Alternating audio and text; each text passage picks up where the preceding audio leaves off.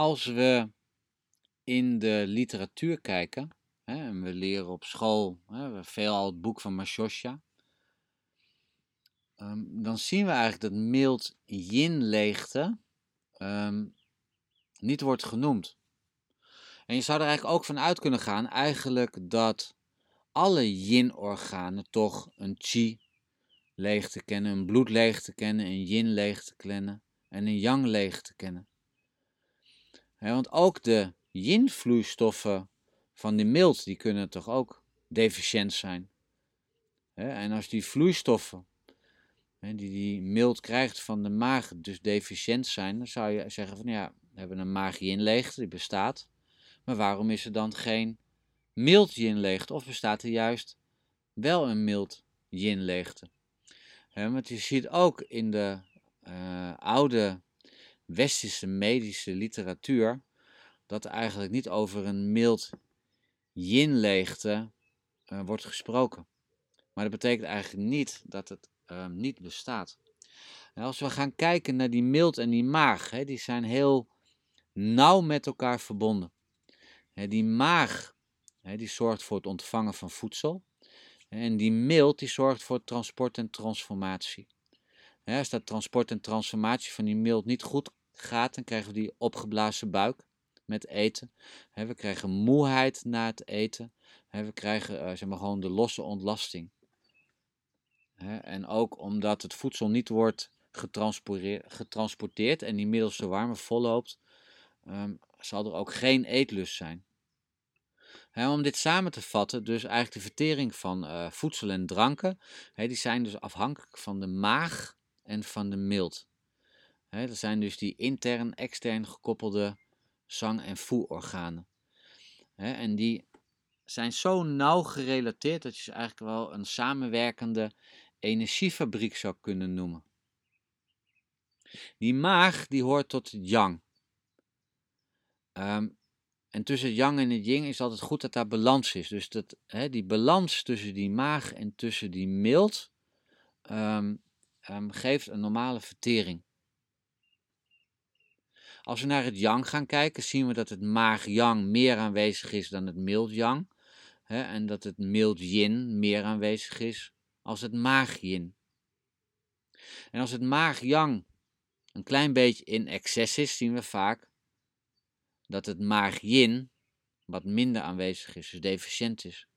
Als het spleen-yin, die yin van de mild, iets in excess is, dan zien we eigenlijk vaak dat het mild-yang weer deficiënt is. En om te zorgen dat dat maag-yang niet hyperactief wordt, is het dus belangrijk dat het maag-yin dus goed onderhouden en goed gevoed wordt, um, ook om te voorkomen dat het um, mild yang te veel aanwezig wordt. het, dus ook het mild yang um, moet goed gevoed worden. Een maag yang wordt vaak excessief door pathogene hitte of um, door veel scherp en heet voedsel te eten want het scherpe hete voedsel consumeert het maag-yin, wat dan weer leidt tot een maag-yin-leegte. en dan krijgen we dus eigenlijk een hyperactief maag-yang of maag-vuur. En daardoor zien we eigenlijk heel weinig maag-yang-leegte. Mild yin wordt eigenlijk excessief wanneer ehm, er te veel water wordt genomen of bijvoorbeeld uh, wordt gedronken, of dat kou, dampkoude um, de mild aanvalt en um, eigenlijk zo de mild-yang verstoort.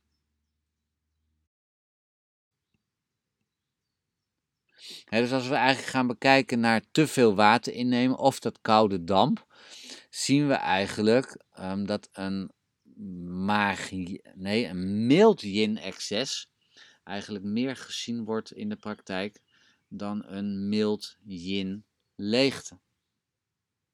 dus samengevat zouden we kunnen zeggen dat we het maag-yang de neiging heeft om in excess te raken. Um, het maag-yin heeft meer de neiging om uh, deficiënt te worden. Het mild yin um, heeft meer de neiging om meer in uh, excess te raken. Denk ook uh, aan damp. En het mild yang um, heeft eerder de neiging om deficiënt te worden. En dit is eigenlijk ook de reden waarom we in de literatuur eigenlijk leren dat die maag, omdat die maag-yang graag vaak in excess is, en dat hij eigenlijk ook houdt van natheid om daarmee te balanceren. en het mild yin wil graag, um, he, zijn we gewoon in excess. zou je daar meer of te veel vocht aan toevoegen, dan wordt het alleen maar erger. Dus daarom wordt eigenlijk ook gesproken dat het mild yin, of de mild, juist weer van droogte houdt. Maar dan hebben we natuurlijk nog niet eigenlijk gehad over die vraag van bestaat nou een mild yin leegte? Stel nu dat jij een cliënt binnenkrijgt die heeft slechte eetlust, uh, vertering loopt minder goed, um, hij heeft ook wat smaakverlies, hè, eventueel wat, uh, wat, zeg maar, gewoon wat last van zijn maag, wat pijn in zijn maag. Maar hij heeft ook droge mond, droge lippen, een droge stoelgang. Um, zijn lichaam wordt eigenlijk, valt af, wordt plotseling wat dunner, nachtzweten. En dan is de vraag of jij dan in jouw behandelprincipe komt tot een mild yin-leegte. want de slechte eetlust, die slechte vertering, dat smaakverlies, dan weten we in ieder geval dat we bij de mild aangekomen zijn. Maar kijken ook bij de droge mond, droge lippen, droge stoelgang. Daaruit lezen we eigenlijk dat de vloeistoffen aangetast zijn. Het dunne lichaam, hè, zeg maar gewoon plotseling ook eventueel zeg maar gewoon afval of gewichtsverlies, hè, betekent eigenlijk ook dat er yin-essentie um, verloren is of hè, dat je die aan het verliezen bent. Dan komen we eigenlijk zeg maar, gewoon tot nachtzweten. Nachtzweten is een algemeen yin-leegte symptoom. Hè, verder vinden we eigenlijk alleen maar droogte, droogte, droogte. Nachtzweten erbij. Hè, we zien een tong uh, zeg maar, gewoon zonder beslag. Eventueel wat cracks uh, zeg gewoon aan de, aan de zijkanten. Maar van daaruit komen we eigenlijk alleen maar tot mild leegtesymptomen met yin symptomen. En van daaruit geredeneerd kunnen we dus zeggen dat er zeer zeker een mild yin-leegte bestaat. Dat is eigenlijk ook heel logisch hè, als ik zo over na zit te denken, want we kennen natuurlijk wel mild bloedleegte. En ja, we zien heel vaak vanuit een bloedleegte dat dat uh, um, bij langdurige problematiek ook over kan gaan in een, in een, in een, in een yin-leegte. Als we naar de oorzaak gaan kijken van zo'n mild yin-leegte, dan zie je vaak dat dat uh, ook aan het dieet ligt, hè, aan het onregelmatig eten, het snelle eten, staand eten, achter de computer eten, Um, met name ook uh, s'nachts laat eten, want dat is de yin-tijd. Op het moment dat jij laat s'nachts eet, en dan dwing je eigenlijk de yin-energie uh, om met de vertering bezig te gaan. Um, ook emotionele problemen, zorgen maken, uh, veel, veel piekeren. Ik weet niet of ik net droge lippen al heb, heb, heb genoemd. Um, droge lippen want die mild die manifesteert zich in de lippen. En dan droogte van de lippen betekent sowieso dus dat er iets met die mildvloeistof aan de hand is. Dus heel vaak zie je bij een mild yin-leegte zie je uh, droge lippen ontstaan. Ik las laatst ook nog een artikeltje en daarin stond geschreven dat een uh, maag-yin-leegte um, dat er echt dan een tekort aan de vloeistof is. Terwijl we bij een mild uh, yin-leegte eigenlijk veel meer een leegte van het bloed zien, die eigenlijk ook wat langer, uh, wat langer aanhoudt. En als we dan eigenlijk naar de, ook naar de tong gaan kijken, hè, dan zie je eigenlijk ook dat je ehm, bij een mild yin-leegte um, vaak eigenlijk weinig um, yin-leegte hittesymptomen ziet. Dus je ziet vaak yin-leegte symptomen, maar zonder zeg maar gewoon de lege hitte. zoals de droge mond, de droge keel, um, zeg maar gewoon de droge, droge lippen, even zeg maar gewoon een droge huid, uh, die opgezette buik, slechte eetlust. Um, droge stoelgang hoort daar natuurlijk ook altijd nog bij. Zoals we altijd kijken bij een mild yang leegte, dan zien we eigenlijk die tandafdrukken hè, en eventueel ook die gezwollen zijkanten.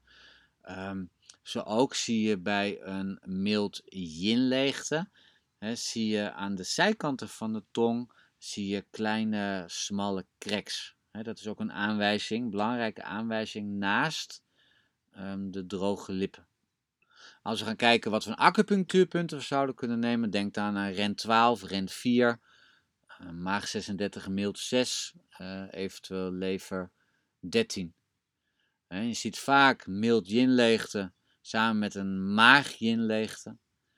dus daar zou je ehm, ook natuurlijk de punten REN 12, maag 36, uh, mild 6 die daar goed op inwerken. Goed zo. Nou ja, dank je wel maar weer voor het luisteren naar deze podcast. En ik uh, hoor je graag de volgende keer. Dank je wel.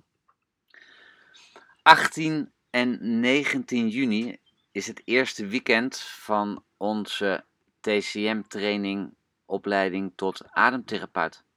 Dus 18 en 19 juni. Het weekend 2, 3 juli en zaterdag 27 augustus hebben we een terugkomdag. En dan word je opgeleid um, tot TCM ademcoach. die groep zal bestaan uit maximaal uh, acht personen, uh, maaltijden inbegrepen. er zijn uh, slaapplaatsen die, zijn, die zijn aanwezig. Er zitten drie privé-sessies bij, die worden online gegeven. en die sessies kan je declareren bij de zorgverzekeraar. dus volg jij een TCM-studie of ben jij een TCM-therapeut en wil jij aan je ontwikkeling als TCM-therapeut werken? Ehm, dan is de uitbreiding van uh, ademtherapie is een ontzettend mooie skill om met name je te gaan richten op de emoties van de cliënt. En die cliënt eigenlijk ook te bevrijden um, van bepaalde symptomen en klachten die uh, emotioneel gerelateerd zijn. Geïnteresseerd? Kijk op onze site tcmloffer.nl. Dankjewel.